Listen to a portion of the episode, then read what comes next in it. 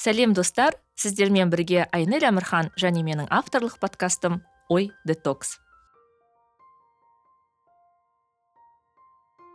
ой детокс ақпарат ағынында адасып кетпей ой сана тазалығын сақтауға көмектесетін подкаст.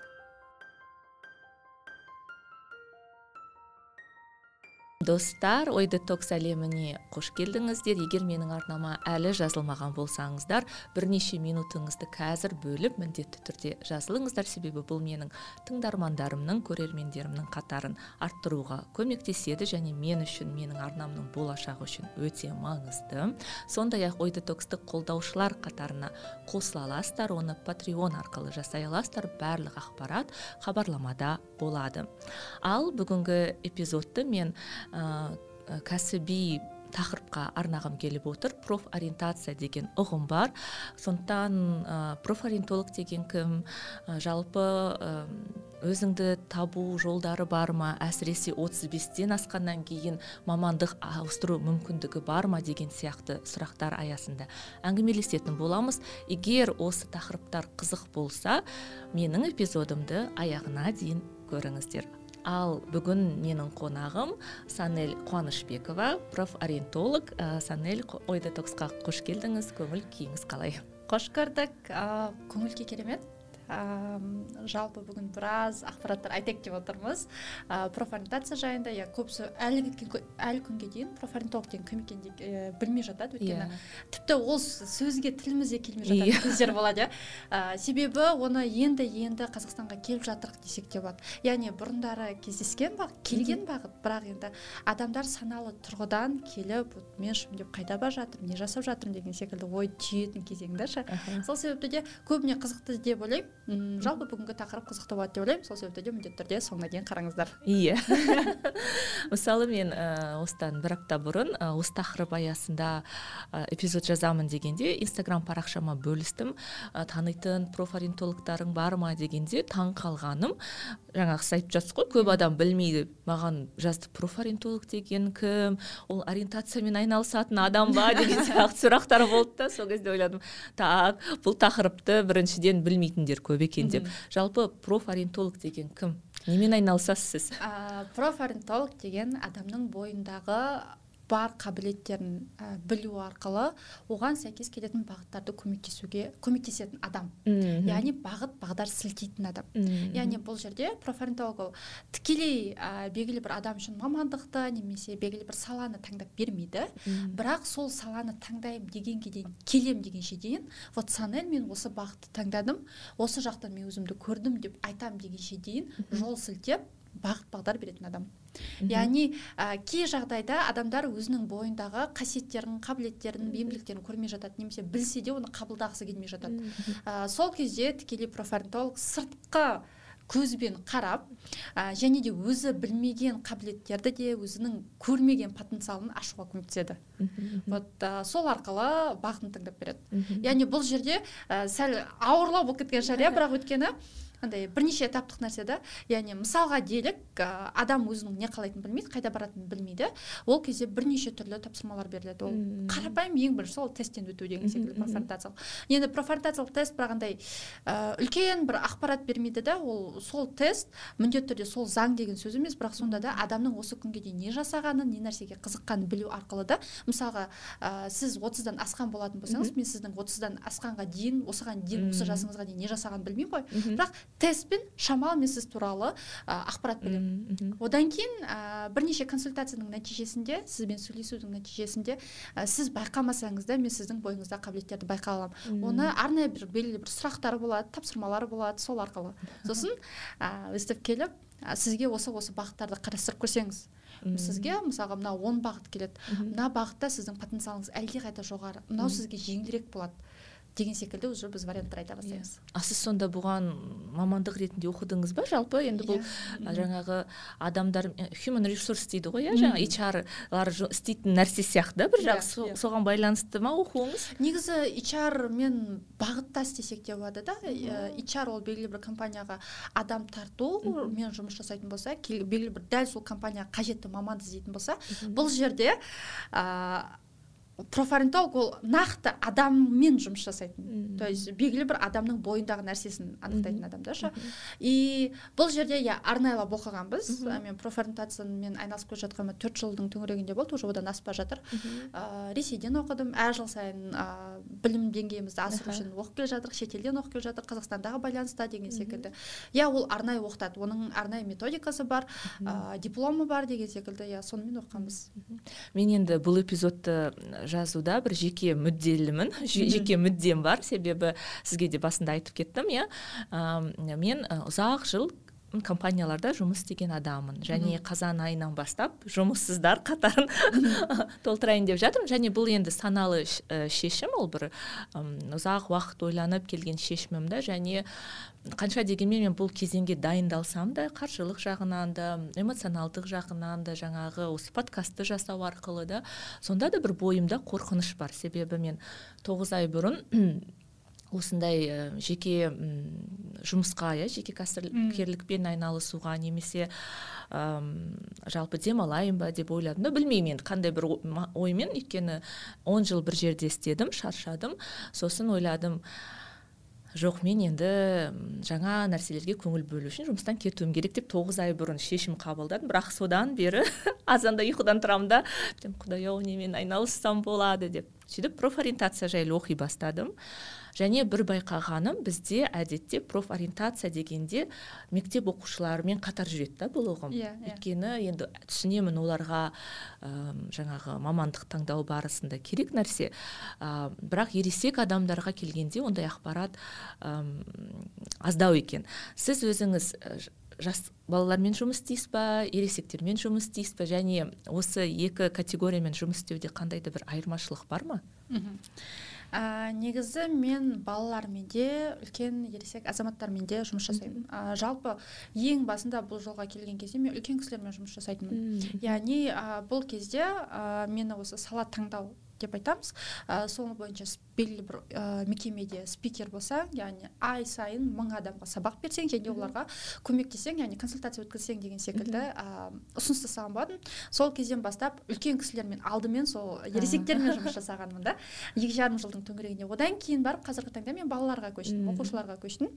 Ә, бұл жерде үлкен айырмашылық бар. Біріншіден ол психология. Әрине бұл жерде психология. Екі түрлі аудитория олардың екі түрлі ә, потребность дейміз яғни қажеттілігі екі түрлі бұл жерде. Ә, белгілі бір оқушыларда ол көбіне қорқыныш болатын болса немесе өзін тануы бәсеңдеу болатын болса ә, ересектерде өзін таниды бірақ өзін белгілі бір тұрғыдан шектеп тастаған болады. Ә, яғни осындай айырмашылықтар болады ә, және де олардың екеуіне екі түрлі методика қолданылады. Ә, белгілі бір мысалға бір техниканы мына оқушыға қолданған дұрыс болмайды деген секілді. Ә, енді бұл жерде ә, не айтқым келеді ә, негізі ол профориентация деген тек қана оқушыларға немесе тек қана ересектерге деген бір ә, дұрыс ә, қате түсінік та өйткені ә, өмір бойы біз профориентациядан өтеміз. Ә, өмір бойы біз үнемі бір бір саламен айналысып жатасың да бірақ ұйықтайын деп жатқанда осы тағы да бір нәрсе жасау керек еді деген секілді ой болады ғой. Иә иә. Бір бір нәрсе жасау керек еді деген секілді ше. яғни ол адамның ә, жан жақтылығын көрсетеді. Адам болған соң әртүрлі бағытта айналысып көргің келеді. Ол мүмкін ол хобби ретінде болуы мүмкін ол белгілі бір сала ретінде болуы мүмкін деген секілді секілді. Сол себепті де ә, адам әрбір кезеңде өткен кезде негізі ә, белгілі бір салаға келгісі келеді. Негізі ол ә, психологияда да айтады. Дәл солай профориентацияда белгілі бір кризистік кезеңдер болады. Негізі ол жеті кризистік кезең болады. Ең алғашқы кезең ол бала мектепке келген кезде бола басталады. Мектепке келген кезде ә, көре бастайды осы бел, болады ғой білесіздер ма бір алты жеті жасында бала уже армандай бастайды осындай боламын yeah, иә, ғарышкер yeah. боламын деген yeah. секілді иә. Сол кезеңдерде өтеді яғни кім боламын қайда барамын жалпы не үшін өмір сүріп жүрмін? деген ең ең енді бір кішігірім сұрақтары келе бастайды. yeah, мен қолымнан не келеді? деген секілді. Ә, сол кезде сол сұрақ туындайды екінші кезең ә, ол мектепті бітіріп жатқан кезеңде көбіне. То есть сегізінші тоғызыншы оныншы он бірінші сыныптың аумағында егер де ол тоғыздан кететін болса сегіз тоғыз ал егер де он бірден кететін болса сол кезеңдерде бала қайда барам дейді. Сол кезде ол маған не келеді мен қандай салаға айналысқым келеді болашақта не күтемін деген секілді болады да. Одан кейін саланы ауыстыру деген университетке түскеннен кейін келеді көбіміз ойлаймыз бала немесе оқушы енді мен оқушылар туралы көп айтып кетті демеңіз бірақ иә, басынан сол әңгіменің басы содан басталады да. Ә, біз ойлаймыз университетке түсті болды ол мамандықты оқып жатыр ода ешқандай уайымдайтын ештеңкесі жоқ грантта деген секілді. бірақ көп жағдайда егер де студенттермен сөйлесетін болсаңыз бірінші курста немесе үшінші курста студенттер өзін тани алмай жүреді. Тіпті көбіне ә, оқудан шығып жататын студенттердің көбісі немесе бірінші курста немесе үшінші курста болады екен. Себебі бірінші курста ол ә, белгілі бір мамандықты таңдады бірақ адаптацияға келіп жатыр да и адаптациядан кейін ә, мүмкін ол ойлауы мүмкін осы күнге дейін мен мысалы химияны өте жақсы білетін едім деді да түсті да бірақ химиядан осал екен басқалармен салыстырғанда.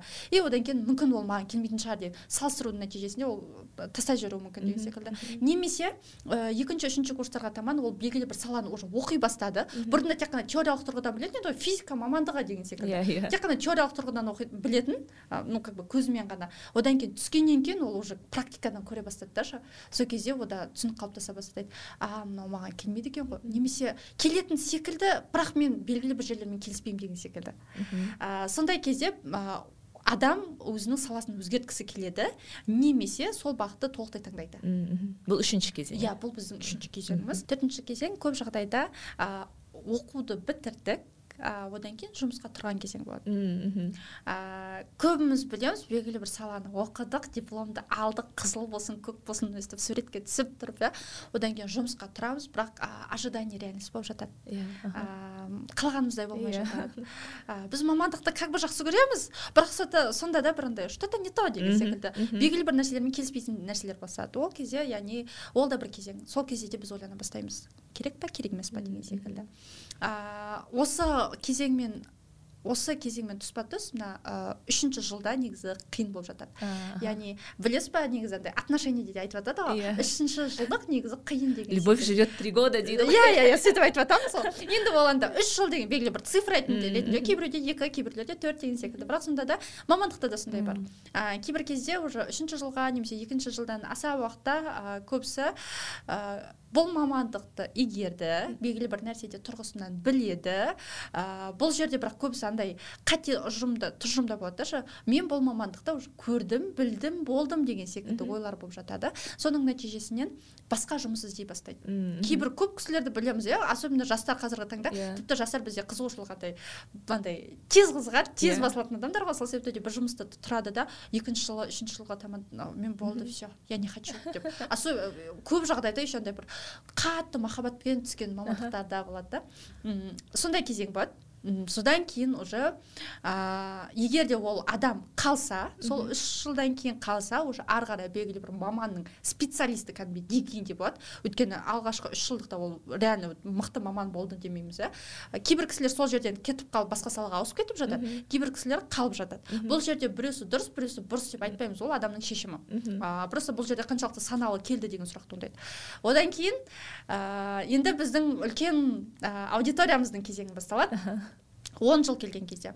Белгілі бір салаға ә, ну енді мен он жыл деп айтып жатырмын бірақ плюс минус екенін айта салайық.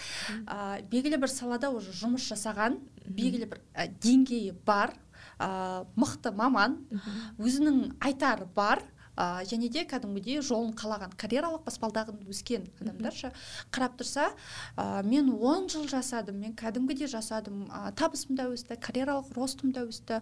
Ә, прям выжимать ететіннің барлығын өстіп жасап болдым. Все болды рахмет деп жатады көп кісілер.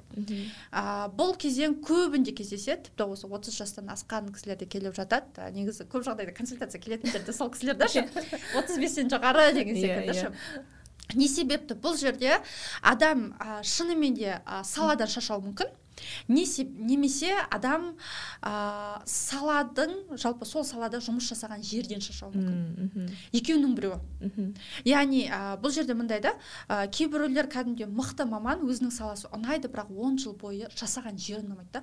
Басшылығы ұнамайды графигі ұнамайды. Ол мысалға делік иә аптасына бір рет нормально демалғысы келеді бірақ ол жерде жұмыс ондай мүмкіншілік бермейді деген секілді. Жиырма төртте жұмыс жеті жұмыс жасауың керек. Немесе отпускасы немесе табысы деген секілді. То есть бұл жерде адамның ең басында саланы таңдаған кезде сала қандай талап қоймағанда ше менің мамандықты ұнатып тұрмын бірақ мен баратын жерім менің жұмыс жасайтын жерім ыыы мысалға делік офисный график емес более гибкий график болу керек деген секілді.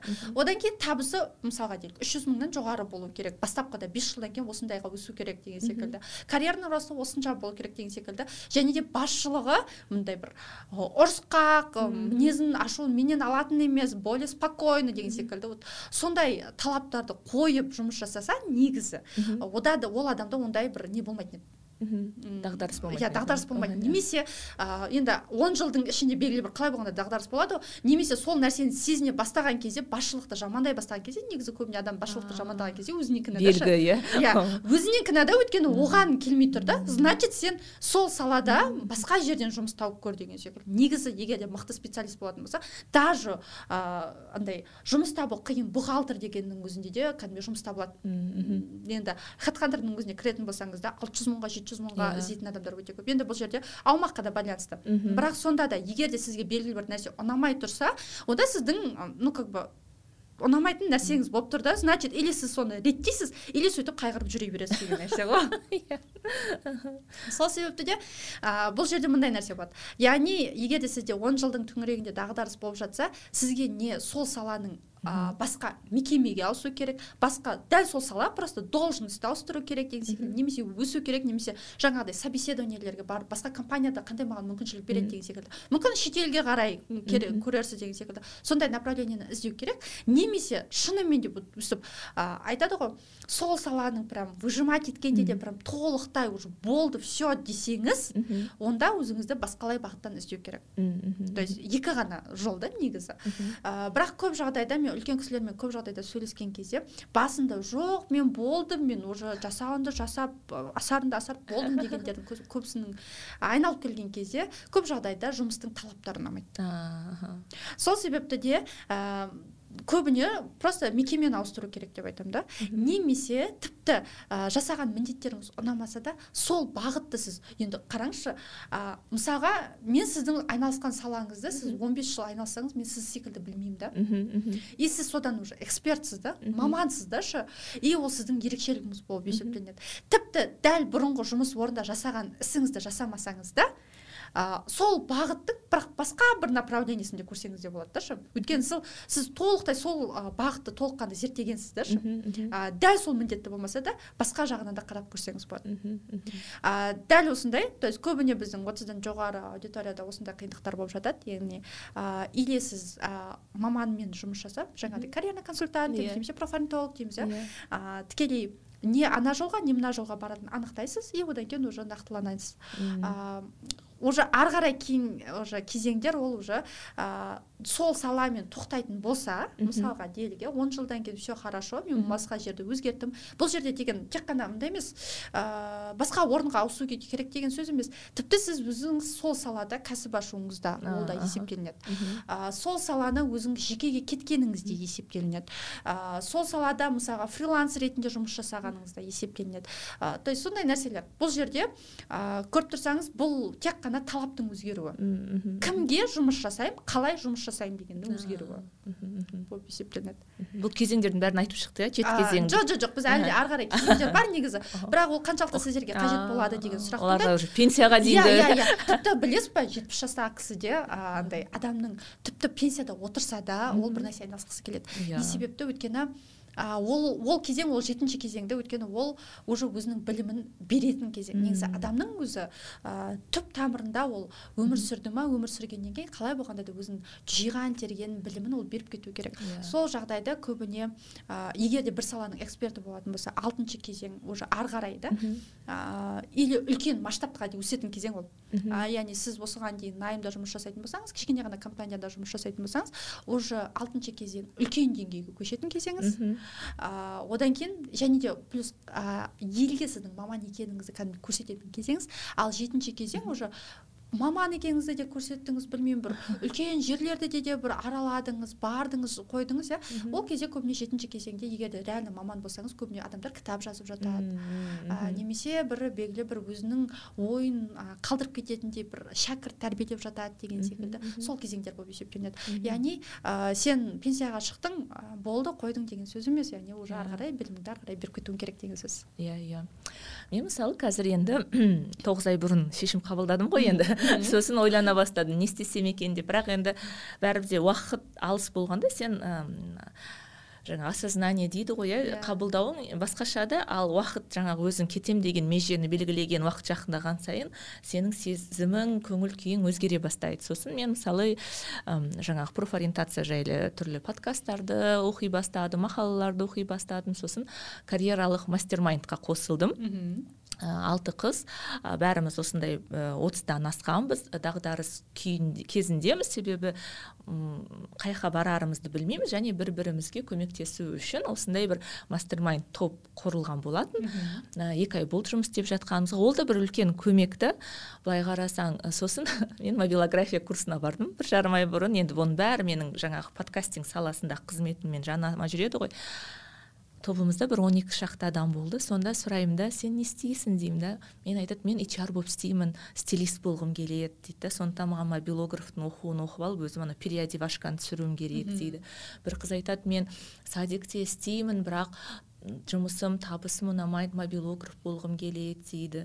Мысалы сондай да мен айтамын да бәріміз жас әртүрлі жастамыз. Бәріміз қандай да бір эмоционалдық күйзелісте жүрген және мамандығымызды кейде кардинально дейді ғой өзгерткісі yeah. Иә. келген адамдар да мысалы мен ойлаймын да мен подкаст саласында жүремін мен ұм, жеке брендімді қалыптастырып жүрген адам маған мобилография керек деп мен өзімді ақтаймын да бірақ жаңағы мен hr істеймін бірақ стилист болғым келеді дегенде мен ойлаймын да қалай адамдар өздерінің саласын кардинально өзгерткісі келеді біздің ә, мысалы үш төрт жыл бұрын мен мұндай тенденцияны байқамайтынмын. Мүмкін мен өзім ондай күйде болмағаннан кейін байқамаған шығармын. Бірақ сіз қалай ойлайсыз? Мүмкін қазір уақыт сондай ма? Қазір бәріміз басқаша болып кеттік па? Жаңа hrға не істенбеген қай жаста? Шамамен қай аудитория енді мен жасын білмеймін бірақ менің өзім жеке пайымымша бір жиырма алты жастағы қыз ау деймін. Түсіндім. Бұл жерде мындай да адам жалпы адамға тек қана белгілі бір саламен айналысу деген бір диагноз қойылып қоймаған да. Ә, сен өмірге келдің сен тек қана осымен айналысасың деген секілді.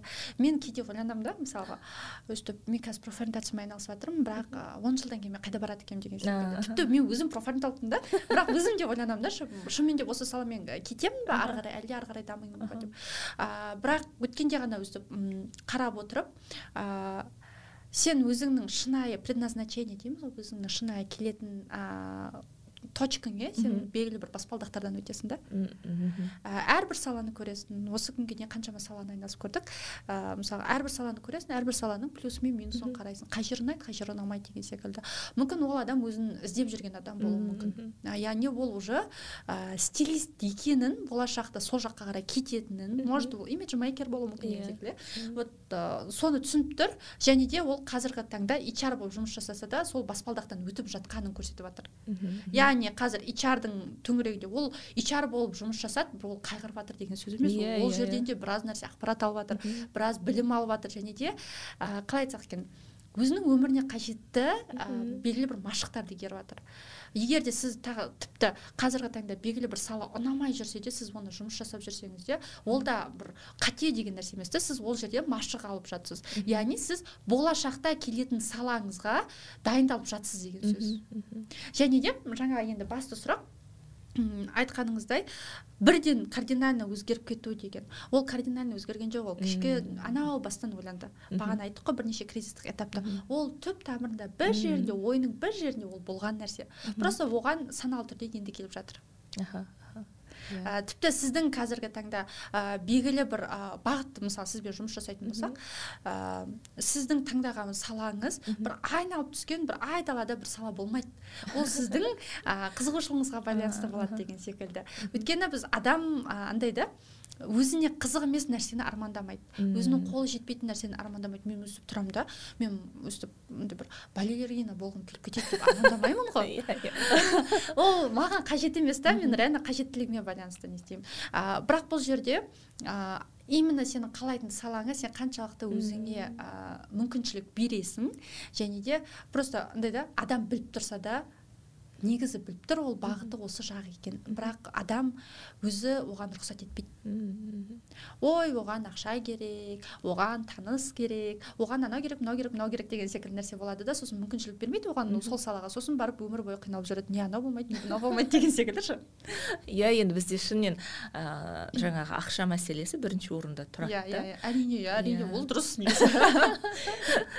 кеше бір подкаст тыңдап жатырмын да профориентация жайлы сонда айтады да біз кішкентай кезде балалар жаңағы сіз айтқандай иә. ғарышкер боламын балерина боламын не айтса да біз иә иә дейміз дейді да. Жаңағы оқу бітіріп мамандық таңдар кезде мен ғарышкер боламын десе қой айналайын. Сен жаңа экономист бол юрист иә, бол. иә. өйткені оның жаңағы мұғалім бол болашағы бар деген сияқты нәрселерге айтамыз дейді да. Яғни біз өзіміздің қорқынышымызды жаңағы табыс мәселесін бірінші орынға қоямыз да. Оларға мүмкіндік бермейміз дейді да жаңағы арманмен кетуге деп. Ә, бірақ мен қазіргі таңда ну, табыс мәселесі бойынша ә, біз енді мен түсінемін деп бір ауылдық бір жетпіс қана үйі бар деген секілді кішкентай кішкентай ауыл бірақ енді ондай жерлерде мүмкіншілік жоқ та ше. Бірақ более район болса немесе белгілі бір қала болса негізі мүмкіншіліктер өте көп. Егер де мен өзімнің мамандығым ұнайды бірақ маған табысы ұнамайды десе ол оған комфортно. Оған сол жерде жұмыс жасау комфортно. Просто ол ә, ну как бы негативін басқа біреулерге айтады да анау кінәлі мынау кінәлі yeah. деген егер де сіз табысыңызды арттырғыңыз келгенде сол сала бойынша сіз может бір қосымша клиенттер қабылдар едіңіз иә? Бір инстаграмға немесе бір блогыңыз влогыңызды жүргізер едіңіз немесе ойлексқа объявлениеңізді салар едіңіз. бір репетитор ну как бы мұғалім болсаңыз yeah. Иә. репетитордың қаншама сайттары бар иә? Оны жасар едіңіз да просто сіз өзіңіз жасағыңыз келмей тұр немесе қорқыныш болып тұр деген секілді нәрсе бар да. Иә біз енді мүмкіндіктер іздемейміз біз yeah, иә, yeah, келіп тұрады ғой енді. Біз просто жертваның позициясында өзіміз иә сондаймыз да көп жағдайда. Енді бұл тек қана бір ғана диагноз оны бәріне осындай деп айтпаймын бірақ сонда да жиі кездесетін. Бізде жиі кездесетін бағыт болып тұр да. Ә, сол себепті де негізі егер де табыс сізге ұнамай тұрса немесе табысы аздау мен шықпай тұра тұрайын десе алдымен ә, тіпті салаңыз ұнамай тұрса басқа бағытқа ауысқыңыз келіп тұрса сіз бірінші жасап жатқан салаңыздың өзінен қалай басқа табыс табуға болады деп ойланып көріңізші. Осы жасап жатқан саламнан қалай табыс тауып көрсем болады? Андай мындай мындай мындай список списоктерді и ол жерде соны жасау керек енді. Болады әрине ана қорқынышты болып көрінеді жасамаған соң енді белгісіздік қой сен осы күнге дейін жасап көрмегенсің бірден болмайтыны анық иә? Иә, иә. еще плюс сондай кезде әшейін де біз мысалға делік төрт жыл оқимыз иә? Он жыл жұмыс жасаймыз. И үш жүз мың теңге немесе екі жүз мың теңге тауып отырсақ немесе жүз мың теңге тауып отырсақ ол нормально дейміз да? Бірақ басқашалау бір іс әрекет жасап көрдік та. Бір қосымша клиент тауып көргіміз келді немесе өзіңнің маман екеніңді басқа бір компанияға қосымша вот аутсорсинг ретінде жұмыс жасап көрейін деген секілді бос уақытымда деген секілді ұсыныс тастаған кезде екі рет қана біреуге адамға айттың ба? Болды все ондай. Сарафанный радио кетеді иә иә. Жоқ жоқ жоқ ондай емес. Сен айттың ба? Егер ол результат көрсетпесе ол біз бірден өстіп икс қоя саламыз да ше яғни біз төрт жыл оқып он жыл жұмыс жасап он төрт жылға жасаған еңбегімізді оны норма деп қабылдаймыз. Да. То есть ал бірақ екі рет жасап бір іс әрекет жасағаннан бірден результат күтеміз да ше и сол результат болмаған соң сосын а все болды ол жоқ деген секілді. Просто ол өзіміздің ойымызды просто утверждать етіп тұрық та ше просто сөйтіп қана қабылдап тұр деген секілді. Мысалы менің ә, сана сезімімді өзгерткен ол пандемия себебі мен 19-20 жасымда бірден қызметке араласып кеттім студент кезімде. Және менің алғашқы айлығым мысалы 300 евро болатын. Ол мен үшін ол жатақханада тұратын қыз үшін ә, үлкен ақша етін тіпті менің ата анам ондай айлық алмайтын. Ә, сондықтан ә, жаңа қызмет істедім. Түн бәрі де оқуды бітіргеннен кейін квартирада тұрдым. Түнімен аударма жасайтынмын. Енді былай қарасам өмірімді жаңағы анализ сараптама жасайтын болсам мен сондай ритмге үйреніп қалғанмын да өзімді аямауға. Күндіз жұмыс істейсің түнде аударма жасайсың тағы бір нәрсе істейсің деген сияқты. Сосын қатар жүріп оқу оқу оқимын түрлі кәсіби біліктілігімді арттыратын курстарға барамын деген сияқты нәрсе да. Тіпті мен он жыл бұрын қызметке қазір істеп жатқан жұмыс орнына келгенде мен ағылшын тілін енді бір екі ауыз тілде ғана білетінмін да. Ауыл жерде талап сондай болатын ағылшын тілін білу сонда мен бірнеше жыл уақытымды ә, жаңағы ағылшын тіліне үйренуге де жұмсадым да. Яғни сондай ритмда өмір сүргеннен кейін маған бәрі норма болатын. Пандемия басталды. Бәріміз үй жағдайында жұмыс істей бастадық кейін онлайн жұмысқа кеттік. Сол кезде мен ойладым қандай рахат нәрсе? Өйткені менің жұмысым сегізде басталады мен алтыда тұратынмын өйткені жолға бір сағатым кетеді деген сияқты нәрсе. Ойладым ұйқым қанық жолға уақытым кетпейді. Ә, үш сағат тапжылмай отырып жұмысымды істеймін да азанда жетіде тұратынмын да мен сағат он екіге дейін жұмыс істеймін. Сосын обедімді ішемін да ары қарай өзімнің тірліктерімді істей бастаймын иә, иә. ойладым мен өмір бойы не істеп келгенмін деген сияқты бір сұрақ болды да менде. Сонда мен ойлаймын да қазір мысалы жаңағы жұмысымды ауыстырайын деп жатқан және басқа компанияларға жұмысқа барғым келмеуімнің де себебі сода да. Себебі маған қазіргі жаңағы подкастымды жазған иә өзімнің спортпен ыңғайлы уақытта айналысқан қандай да бір кездесулерге барған сонымен қатар қандай да бір қосымша жұмыс деген ұнап қалды. Және мен пандемия әсері соған зор сияқты замандастарыма да. Иә бұл жерде ә, сіз өзіңіз бағана айттық қой ә, салаға талап қою керек деген секілді ше. графиктен де талап ол жерде көп ол. Талап деген әртүрлі болады. Графикке байланысты кімдермен жұмыс жасау техникамен ба адаммен ба мүмкін табиғатпен деген секілді. То есть әртүрлі сондай талаптар болады да. И сіз именно графиктің талабыңызды сіз түсіндіңіз да. Yeah, иә, осы. Иә. кезде деген секілді сіз осыған дейін ә, қоғамда қалай дұрыс деген секілді өмір сүріп келсеңіз осы кезде сіз өзіңіздің қандай ә, графикпен жұмыс жасағыңыз келетінін ә, более үйде отырып жұмыс жасау деген секілді деген секілді. Ә, мысалға ол сізге ыңғайлы болды ол тек қана сізге да бірақ пандемия кезінде керісінше үйде отырып қамалып қалғандар болды. Yeah. Иә. өйткені ол адамдар керісінше андай болды да движниковый адам қимылдаған оларға міндетті түрде барып келу маңызды болатын деген секілді.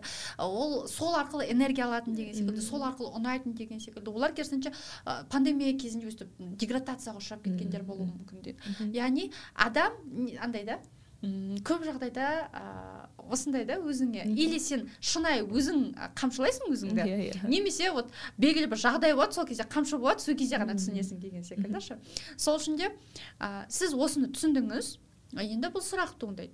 Ә, осы сіздің қалауыңыз бойынша сіздің бағытыңыз мысалға кеткен бағытыңызда ә, қалай мен өстіп сондай жұмысты таба аламын ба? Мүмкін ба қаншалықты деген секілді. Ол мүмкін белгілі бір компаниялар ондай адамды қабылдай ма? Деген секілді. Егер де нереально болатын болса онда хорошо онда бағытты басқа бағытта ауысамыз деген секілді. Одан кейін ә, негізі адам ыыы мысалға айтып ғой тек қана бір саламен айналыстым деген секілді. Өтіп те болып кетуге де болмайды. Адамның міндетті түрде қосымша жүретін екі үш хобби болу керек. міндетті түрде ол болу керек. Ыыы ол оған адамға энергия береді. Өте қатты энергия береді. Ол тек қана андай да бір нәрсемен айналыса беретін болса сен өстіп мындай ол жұмыстан сыртқа шыға алмайсың да сен тек қана сол ғана көзқараспен қалып қоясың. Ал сен басқа нәрсемен айналысып кел ойыңды сергіт деген секілді мүлдем басқа бағытқа айналысып көр деген секілді. Сол кезде сенің өзіңнің тағы да басқа салада қолыңнан келетінін сен түсіне бастайсың. Және де вдруг саланы ауыстырып жатсаң да ондай бір қатты қиын болмайды. Себебі сенің тек қана бір саладан емес сен үш төрт саладан жалпы икемділігің бар екенін білесің да. Сол үшін де негізі в идеале ә, егер де сіз бір саланы таңдап тұрсаңыз хорошо бұл менің ақшамен реально маман ретінде одан кейін плюс жақсы табыс табатын ретінде салам. Мүмкін ол кәсіп болуы мүмкін деген секілді. Бірақ одан бөлек менің қалауларым бар ғой. Деген секілді. Ыыы дәл солай мен мысалға съемкаларды ұнатамын сіз секілді иә. Мен профориентация мен консультация жұмыс жасаймын. Негізгі табысты көзім сол ғой енді адамдармен иә. оқушылармен немесе үлкен кісілермен консультация жұмыс жасаймын. Ыыы бірақ мен өзім кішкентай кезде журналистикаға қатты қызыққанмын иә. Бірақ мен де казгу да оқығанмын бірақ химияда оқығанмын. Бірақ мен казгу ға именно журналистикаға мен өзіме оқушы кезімде жаңағыдай айтып жатырмық қой мен өзімді шектегенмін да. Мен журналист түсе алмаймын шығармашылықты тапсыра алмаймын деген секілді мен оны рұқсат етпегенмін. Бірақ ол айналып келген кезде ол менің қала қалауым еді ғой. И мен өзімнің анау ә, сол қалауымды шектеп тастамай мен просто профорентацияның айналысып жүрсем де съемканы тоқтатпадым да. То есть қазіргі таңда ол ә, камерамен жұмыс жасау ә, камерамен түсу әртүрлі съемка тик ток болсын ютуб болсын ол менің бірге жүретін ол хоббим. Ол мен ол жақтан энергия аламын ол жақтан кәдімгідей күш аламын деген секілді. Ол бір ғана сала. Ойлауымыз мүмкін как бы ұқсайды ғой деген секілді. Бірақ тағы бір хоббим ол инструмент. Деген секілді иә вот инструментте ойнау ыыы мен менде өзімше мақтанып қояйыншы. Иә иә мақтаныңыз. Өзімше мақтанып қояйын. Менде жүз пайыздық слух яғни кез келген аспапта ойнап кете алу қабілеті бар күшті маған ұнайды да. Ол сол сол жақтан тіпті болмай жатқан кезде мен кей кезде ойланамын да мүмкін бір ыыы просто басында көремін басында қиын болуы мүмкін бірақ болса да бір композиторлық қабілетімді ашып көрермін деген секілді. Может маған болашақта бір табыс көзі ретінде болар бірақ мен одан табыс күтпеймін. Бірақ өзім для себя жасаймын деген секілді ше мүмкін тіпті өзімнің саламда профорентацияда жасалмаған нәрселерімді қалай енді болады ғой сен жұмыс болған соң сен қалайсың бірақ жасай алмайсың деген секілді. сол нәрсені мына жаққа қарай беремін да мен ол потенциалды өстіп жоқ қылып жауып тастамаймын да. Ше бір жерге жіберу керек. Когда сен потенциалыңды жібересің когда жасайсың сен одан сайын дамисың. Ал сен оны өстіп тыйып бір қорқынышпен тыйып тастасаң немесе оны потом потом жасаймын десең ол сені іште жейді. Негізі ең бір ә, қиын нәрсе ол іште желінген потенциал.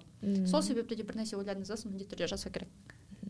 Енді мысалы қалай адам анықтайды? Мысалы айтады ғой кейде ә, белгілері жаңағы сен бастығыңды жамандай бастайсың деген сияқты yeah, нәрселерді yeah, yeah. айттыңыз ғой. Иә қандай кезде адам ә, мүмкін мен дұрыс емес бағытта келе жатқан шығармын деген сияқты ойға келу керек. Оның белгілері қандай? А, так. Он жыл бойы бір деңгейде тұрып қалсаң. Бір деңгейде тұрып қалсаң? Мен сияқты. Жоқ бұл жерде мындай деңгейде дегендегі егер де сіз білім ретінде біз андай деңгейде тек қана ақша ретінде немесе ә, позиция. иә позиция ретінде ойлаймыз ғой. Бірақ егер де сенде умственный жағынан ә, бір маман ретінде бір он жыл бұрын қандай едің немесе бес жыл бұрын қандай едің әлі де дәл сондай нәрсе болатын болса сен просто өспедің деген сөз. Ә, яғни сен қалап тұрған жоқсың ол өсуді.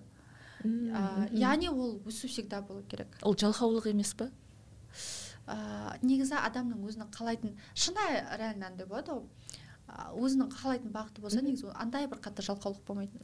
Сәл ғана бір таңертең ұйқыдан тұру қиыншылығы болуы мүмкін бірақ ол жұмысқа келген кезде ол міндетін жасайды да ше ал егер де ол жасамаса көп жағдайда оған қаламайды ол іштей қаламауы мүмкін. Егер де бұрынғы өзіңізбен салыстырып мен бес жыл бұрын миым қандай еді қазіргі таңда дәл сондай ойда жүрсем бес жыл бұрын табысым дәл сондай болса қазір де дәл сондай болса өзгермесе ол еще плюс жаңағыдай іштей қалаулар дұрыс болмаса іштей бір күнің бір күніңе ұқсап кететін болса жұмыста иә? Одан кейін плюс қалауларың сен сезесің ол кәдімгідей дискомфорт болады. Кәдімгідей ішкі дүниеңде ұйықтайтын кезде де бір жылағың келіп немесе ашуланғың келіп деген секілді иә? Немесе бір нәрсе ауыстыру керек еді деген. Ол адам уже байқай бастайды. Просто басты нәрсе ол шынайы мамандықты ауыстыру болып жатыр ма әлде өміріңнің басқа сферасы ма дегенді өстіп өстіп ашып алу керек та кейбіреулер просто өстіп айтады өмірінде тұрмыстық жағдайы басқа қиын болып жатады да. Ол келеді де тұрмыстық жағдайын мамандыққа келіп тірейді да мына проблема емес ол проблема мына жаққа ығыстырады сосын барлығы мамандықтан кінәлап жатады деген секілді. Немесе адамның өзінің психологический самооценкасымен қиын болып жатуы мүмкін немесе психологический депрессияда болуы мүмкін өзі вот андай сондай шаршап жүрген болуы мүмкін да и ол келеді да мамандықтан істеуі мүмкін. Бұл жерде ол андай үлкен тақырып та жан жақтан қарау керек. Ол шын проблема қай жақта түбі неде деген секілді. Егер де ол просто депрессияда стрессте жүретін болса ол бірінші психологқа барып есін жиып сосын барып қана ә, жұмыс жасау керек. Немесе шаршап жүрген болса тіпті кей кезде болады сала ұнайды бәрі как бы нормально просто шаршап кетесің. Шаршап кетесің ше. Вот сол кезде бір аптаға вот ұйықтау керек. Просто ұйықтау керек та ше. Ұйықтап есіңді жиып энергияға толып жегің келген нәрсені жеп сосын барып қайтадан ә, кірісу керек. Осындай бір белгілер бар ғой мысалы енді ә, осы ретте ә, кейде оқуға шетелде мысалы он бірді бітіргеннен кейін бірден оқуға түспей гапия алу мүмкіндігі бар да. Иә. мысалы менде осы ретте ойлаған бір мәселем өзіме ә, үзіліс беру. Иә. Yeah. Ә, яғни ә, жаңа ойлайсың ғой не істеймін мен дейсің сосын ойлайсың бір екі ай демалып алайын дейсің сосын ойлайсың жоқ менің ипотекам бар қарызым бар енді мін, yeah, иә, үлкен кісі болғаннан кейін міндеттемелерің де жауапкершілігің де көп қой. Мен жұмыс істей алмай отыра алмаймын дейсің. Осы жерде көптеген нәрсе болады да. Бірақ ә, сіздердің ә, профориентолог ретінде ә, гапие алыңыз деп ұсыныс беретін кездеріңіз болады ма? Әрине. Әрине болады. Негізі менің өзім өте дұрыс деп есептеймін кәмпия просто бұл жерде енді мынандай официально қарайтын болса ол бір жыл деп айтады ғой. Просто кейбіреулерде ол бір жыл болуы мүмкін кейбіреулерде екі жыл болуы мүмкін кейбіреулерде бір екі ай ғана болуы мүмкін деген секілді. Бірақ ол гапия деген ол сен просто үйде жататын нәрсе емес. Сен просто үйде ұйықтап жатып ойлан андай емес та мен қазір жатып ойланайын. Сосын ертең шешім қабылдаймын деген секілді нәрсе емес. иә, иә. сен не үшін оны алып жатсың деген сұрақ туындайды сен өзіңнің реально қалауларыңды түсіну үшін. Көп жағдайда ә, шетелде гапьені не үшін алады ә, бірден оқуға түспей ә, бір кісі барады да официант болып жұмыс жасап көреді шаштары аз болып даже бесплатно болса да немесе кішкентай ғана белгілі бір ақшаға болса негізі бесплатно қазіргі таңда ешкім жұмыс жасамайды ғой бірақ сонда да вот кішкентай тиын болса да жұмыс жасап көреді. Ә, тіпті вот адам журналист болғысы келетін болса да негізі мүмкіншіліктер бар. Телевидениеде кіруге де бұл мүмкіншілік бар. Бір отыз қырық мың теңгеге деген секілді иә. Мен білемін алматы тв каналында вот үнемі набор болатын деген секілді ше. Ә, тағы да бір саланы ойладым ба мысалға делік білмеймін машина жөндеу бойынша иә. Қызықтың ба сен оны өстіп отырып ә, болайын ба болмайын ба деген ол не прокатит. Саған вот жасап көру керек. Гапио дегеннің өзі сен практикадан жасап әр нәрсені өстіп қолыңмен ұстап көргеннен кейін ғана шешім қабылданады. Ол ә, біз қанша ойлансақ та ойлансақ та біз оны шешім қабылдай алмаймыз. Қай бағыт бізге реально келеді қай бағыт ә, нереально келеді деген секілді бұл жерде реально негізі идеальный мамандық көп жағдайда әр бағытты жасап көрген кезде таңдалады. Ә, тіпті бағанағы ә, hr жұмыс жасап жүрген қыз дегеннің өзі ол мүмкін оған дейін де төрт бес саланы айналысқан болуы мүмкін. Ананы жасап көрді мынаны жасап көрді өзі бір сумка сатып көрген шығар инстаграмнан деген иә, секілді ше. иә, и ол түсінуі мүмкін олай жұмыс жасаған өзі андай күнделікті тұрақты табыс ә, болмағаны оған керісінше қиындық болуы мүмкін деген секілді. Яғни ә, онда ол келеді де ә, мен түсіндім стилист маған ұнайды. Бірақ ә, мен ә, өзім как предприниматель ретінде жасай алмайды екенмін. Маған ол ә, негатив береді. Мен кәдімгідей мен уайымдаймын кортизол бөледі деген секілді иә, айтуы мүмкін да сол себепті де ол стилистің кәдімгідей мемлекеттік мемлекеттік емес енді бір белгілі бір частный компания тұруы мүмкін. Ал кейбіреулерге керісінше да ол өзі андай бүгін ақша түспесе де ол бір аптадан кейін еселеп тұрып қайтаратынын біледі де. Оған ол норма да. Сол себепті де ол найымға кірмейтіні деген секілді. Дәл солай сіз әртүрлі белгілі бір саламен айналыссаңыз сізге реально не ұнайтынын және де қандай талаптар қоя алатыныңызды біле аласыз. Сол себепті де гапьемен негізі мүмкіндік болса ә, қарап көрген дұрыс. Бірақ ол просто так жату емес ол әртүрлі бағытты көру. Немесе жаңағыдай профориентологқа немесе кореяна консультантқа барып ә, бұл жерде екі жол бар да таңдаудың. Или сен жасайсың по факту жасап көресің өзіңді анықтайсың. Или оған просто ұзақтау уақыт кетеді да кейбіреулер тез анықтайды кейбіреулер асықпай или сен белгілі бір маманға барасың. Өйткені мамандар просто әртүрлі адаммен көр, сөйлесе бастағаннан кейін уже адамның ә, мысалға психолог ол біледі психолог сөйлесіп отырады адамның қандай қиындықтар болып жатқанын көріп тұрады да мына жерде мындай екен самооценкасы мындай екен деген yeah, секілді мындай уступкаге барады екен немесе керісінше деген секілді. Абьюзерный абьюзерный отношение деген секілді дәл солай профориентологтың да көп жағдайлар болады. И көп жағдайда біз а мынау мындай жағдай мынау мындай жағдай деген секілді бұған мындай іс әрекет керек деген секілді. Одан кейін ол профориентолог тек қана сенің өстіп саған осындай керек демейді ол сізге кем дегенде сізге сәйкес келетін сіздің ә, деңгейіңіз жете алатын отыз қырық мамандықты саланы ұсынады. Яғни жаңа айттық қой тек қана өмірде сен тек қана бір саламен айналысасың деген бір ол не жоқ. Кейбіреулер болады шынымен де андай алты жасынан бастап кәдімгідей дәрігер боламын дейді карьер андай бір кардиохирург боламын деп киноларын көреді соны армандайды соған жетеді. Бірақ ол барлығында ондай емес та мен де сондай болғым келеді да мен прям қатты армандап соған жетемін деген үшін просто мен андай болдым да менің қызығушылықтарым әртүрлі деген секілді.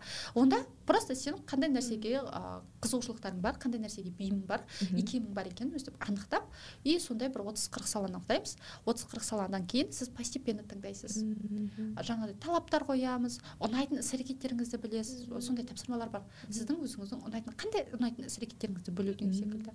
Сол нәрсені жасайсыз. Одан кейін барып бағанағы барлық критерий бойынша мына критерий мына мамандыққа сәйкес келмейді екен в общем шертіп тұрып таңдау деген сосын барып идеальныйын анықтаймыз деген секілді ғой. Сонда енді қазір сізді тыңдап тұрсам санель өте қиын да ауқымды жұмыстарыңыз. Иә, иә, иә. тіпті мен ойлаймын да психологтың да жұмысын атқаратын сияқтысыз. Психологтың жұмысынан айырмашылығы бар ма немесе сіз айтасыз ба айналайын сен бірінші барып психологқа барып кел сосын маған кел дейсіз ба? Негізі психолог пен профанатологтың екеуі екі түрлі бірақ міндетті түрде профанатологтар психологтан өту керек. То есть міндетті түрде менің өзім үнемі психологпен жұмыс жасаймын өзім қараламын деген секілді белгілі бір проблемаларымды шешемін не себепті өйткені ә, менің миымдағы таракан ол басқа біреудің миына бармау керек та ше. То есть менің стереотиптерім ол басқа біреуге жұғып кетпеу керек. Сол себепті де үнемі өзімізбен жұмыс жасаймыз. Иә адамға да енді біз психолог ол міндетті түрде психология оқылады да профориентацияда ше. Адамның қандай проблема екенін көріп тұрасың? Қалай жалпы не проблема екенін біліп тұрасың? Ол профориентацияда ма әлде психологияда ма екен ә, бірақ біз психологиядан кеңес бермейміз. Өйткені оның өзінің маманы бар. Ол ол сонымен айналысады. Мен қазір тағы да өйстіп жақсылық жасаймын деп тұрып психология өзі ол андай сфера андай артық айтып қойсаң сен түбегейлі бір бір жерін құртып жіберуі мүмкін деген секілді ше бір травмасын басып жіберуі мүмкін деген секілді. Сол себепті де қатар айтамыз. Егер де ол психологиялық көмек керек болатын болса психологпен қатар алып жүр. Саған қазіргі таңда немесе вот вообще кейбіреулер бар. Жаңағыда айттым ғой өзі андай самооценкасы төмен немесе өзі қайғырып жүр да и келеді да проблема мамандықта деп келуі иә, ше. И мен оған айтамын сізге қазіргі таңда мамандық емес сіз бірінші өзіңіздің состояниеңізбен жұмыс жасап алыңыз бір ай. Бір айдан кейін немесе екі айдан кейін барып келіңіз. Когда осознанно келген кезде. Ол просто андай да ше менде сондай проблема бар екен дейді да келеді де просто кез келген маманға бара береді да ол. Мүмкін профориентолог шығар мүмкін анау шығар еще плюс ондай адамдар өзін таппай қалған адамдар немесе өзімен андай ыыы травмасы болып қиналып жүрген адамдар ә, біреудің сөзін естігісі келіп жүреді да көп жағдайда ше егер иә, байқасаңыз иә. И сосын анадан естігісі келеді мынадан естігісі келеді. И сол арқылы шатасып кетуі мүмкін. Сол себепті де маманыңа бар сосын барып келесің. Деген. Бірақ енді бізде андай ыыы білмеймін маған көп жағдайда тіпті оқушылар болса да осознанно келіп жатады екен. Көп жағдайда осознанно келіп жатады. Кейбір кезде андай алғашқы консультацияда шамалы өстіп ә, байқалады іс әрекеттері. Бірақ белгілі бір андай өтіп қатты қиын мәселе емес та. Сол себепті де бір екі кеңесті беріп жібереміз сосын ары қарай жұмыс жасай береміз. Қанша уақыт алады? Мысалы мен сізге келетін болсам ә, менің қанша уақытым кетеді? Ә, кем дегенде үш төрт консультация ол андай емес. Мен тұрамын да. Вот мына жаққа барыңыз деп айту мүмкін емес мен құдай емеспін деген секілді. Мен тіпті өйтіп айта алмаймын да. Ә, ол ә, жауапкершілік маған кетіп қалады. Ә, жауапкершілік адам всегда өзі алу керек. Еще плюс өзі таңдау керек. Және де сол нәрсеге келмегенше дейін ә, бізде в среднем төрт консультация болады біз орта есеппен қараймыз төрт консультация әрбір консультация бір, бір сағат бір жарым сағаттың төңірегінде. Сонда бір айдың төңірегінде болады ғой мм кейбіреулер өстіп айтады да ой бір ай көп қой деген секілді. Ше сіз үш жыл бойы қиналып жүрсіз. ойланып бір ай не тұрады дегім келеді да ше. Шамалы бір не үшін бір ай? Әрбір консультациядан кейін біз өте көп тапсырма береміз. Өте көп тапсырма береміз. Ыыы өзін анықтау өзінің бойындағы қазбалау уже белгілі бір бейімділіктерді иә. Бейімділік ол андай да ата анадан келуі мүмкін немесе өзінен келуі мүмкін. Соның бәрін ақтару ол бірден болмайды. И белгілі бір тапсырмаларды жасау керек. Ыыы бір консультация өтеміз тапсырма береміз. Ыыы егер де адам ол ну как бы барынша тез орындағысы келетін болса ну как бы оны тапсырманы бір апта орындау мүмкін немесе екі күн орындау мүмкін. Егер екі күнде орындалатын болса біз сразу екінші консультацияны қояды. Ол уже ә, жылдамдық адамға байланысты бірақ минимум төрт бес консультация минимум төрт консультация ғой бізде кейбір кезде болады адам әлі де өстіп ойланып жүрген кезде бесінші консультацияны қосамыз. Бірақ ол көп емес. Максимум өстіп не істейміз ғой ыыы осы кезеңмен де түсіндіріп кетейін. Кейбіреулер иә білмей жатады. Ол қалай сонда не айта береді деген секілді. Ең алғашқы консультация сіздің ә, бойыңыздағы осы күнге дейін нәрселердің барын айтып сізге сәйкес келетін отыз қырық шақты мамандықты анықтаймыз. Ә, екінші консультацияда ә, ну как бы білдік өзіміз туралы ә, бірақ біз өзіміздің шаблонымызда қылып қойып жатырмық то есть yeah, біз өзіміздің миымыздағы ғана салаларды ойлап жатырмық сол себепті де екінші консультацияда негізі әлемде алпыс мыңнан аса мамандықтың түрі бар. Иә yeah. и вот сол кезде біз басқа да сен ойламаған салаларды зерттейміз. Зерттейміз адам да зерттейді қасыма келген консультант клиентім де зерттейді. И соның нәтижесінде ә, шаблоннан шығу арқылы тағы да салаларды қарастырамыз. Үшінші консультация талап қою. То есть уже бізде бір шамамен елу алпыс сала бар бағыт бар. Просто таңдай алмай жатыр да тіпті кейбір кезде болып жатады. Адамдар екі сала түсініп тұр екеуінің біреуі бірақ қайсысы екенін білмей жатады да вот сол үшінші консультация алып келеді. Үшінші консультация салаларға ә, талап қоямыз. Қандай критериялар қоямыз және де сол критерий бойынша қайсысы сәйкес кететінін анықтаймыз. Төртінші уже қайда барамын не істеймін қайда жұмыс жасауға болады деген секілді сұрақтарға жауап береміз. Өте ауқымды жұмыс расында да. Мысалы енді бұл жаңағы осознанно серьезно келетін қадам ғой енді иә, иә? иә, иә. мысалы ше кейбір адамдарда ақша болмайды иә? Мүмкіндік болмайды қаржылық. Мысалы мен жұмыста жұмыстан кетемін дегенде менде бір енді саналы шешім болды да бірақ мен жаңағы мастер майндқа кірдім иә оның бәрі. Енді іздейсің ғой интернетте иә, отырасың подкаст тыңдайсың кітап оқисың деген сияқты.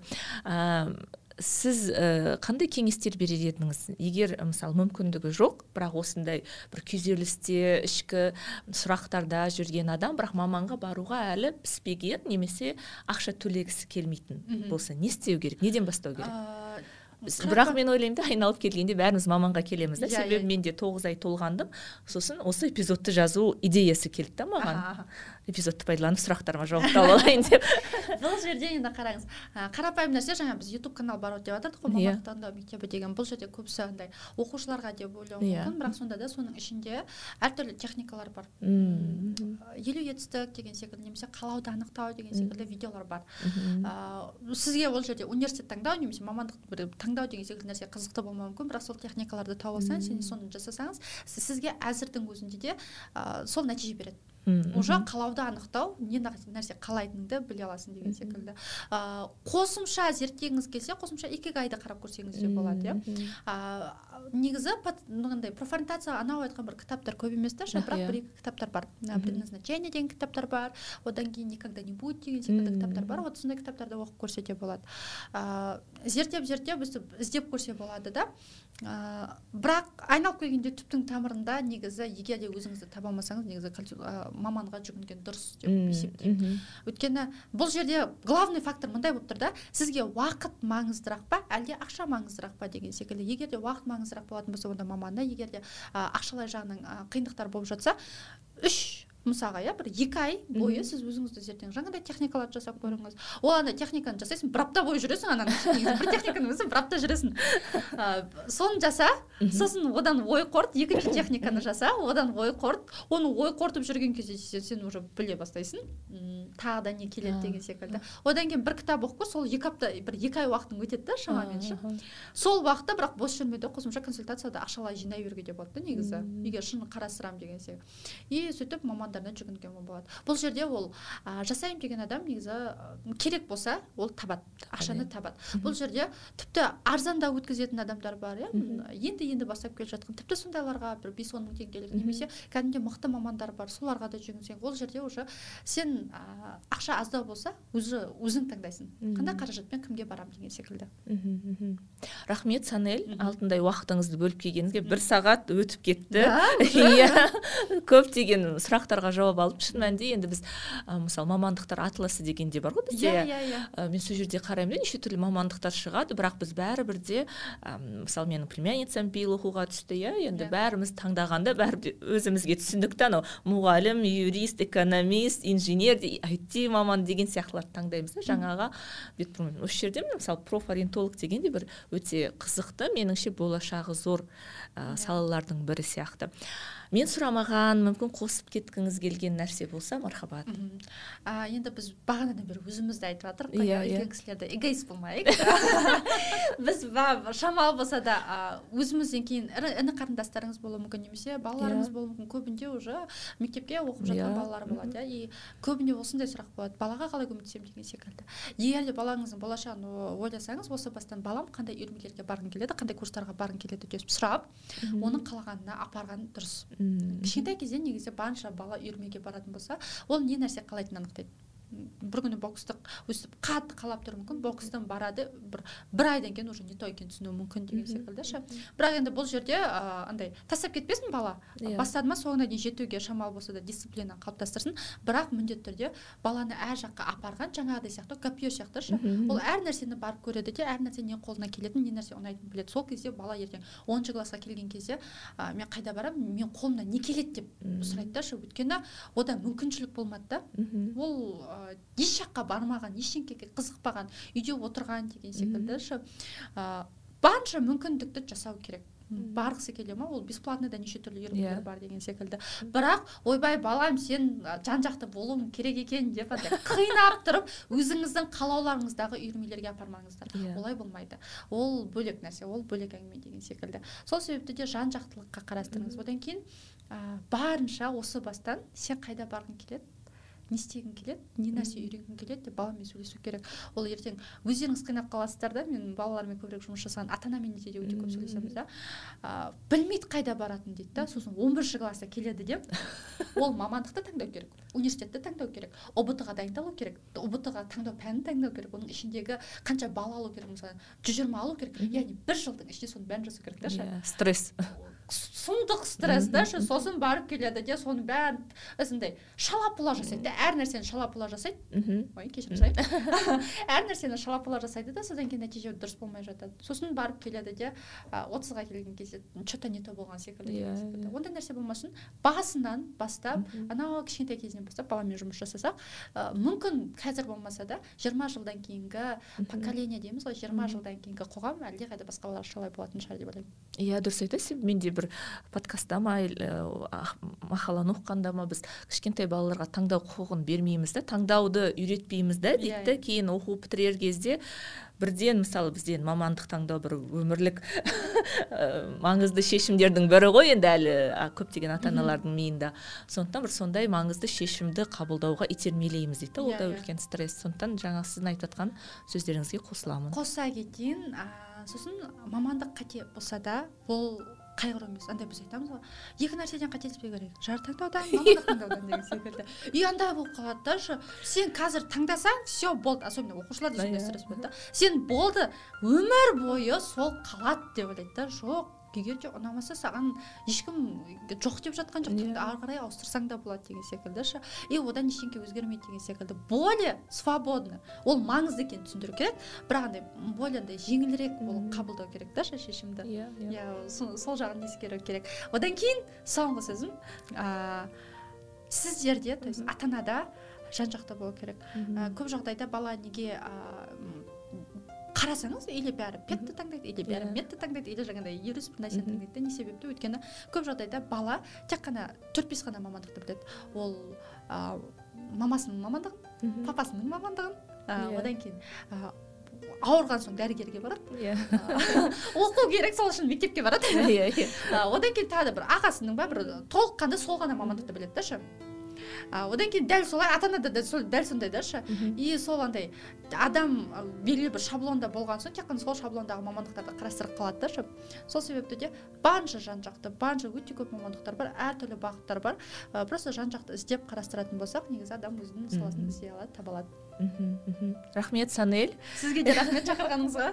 Осымен достар ой детокстың кезекті эпизоды аяқталды. Міндетті түрде ә, парақшама арнама жазылып лайк басып комментарий қалдыруды ұмытпаңыздар. Бұл менің парақшамның танымалдылығын арнамның танымалдылығын арттыруға көмектеседі ал бұл өз кезегінде менің жұмысыма мотивация береді. Келесі эпизодтарда аман естіскен аман есен естіскенше жүздескенше сау болыңыздар. Сау болыңыздар.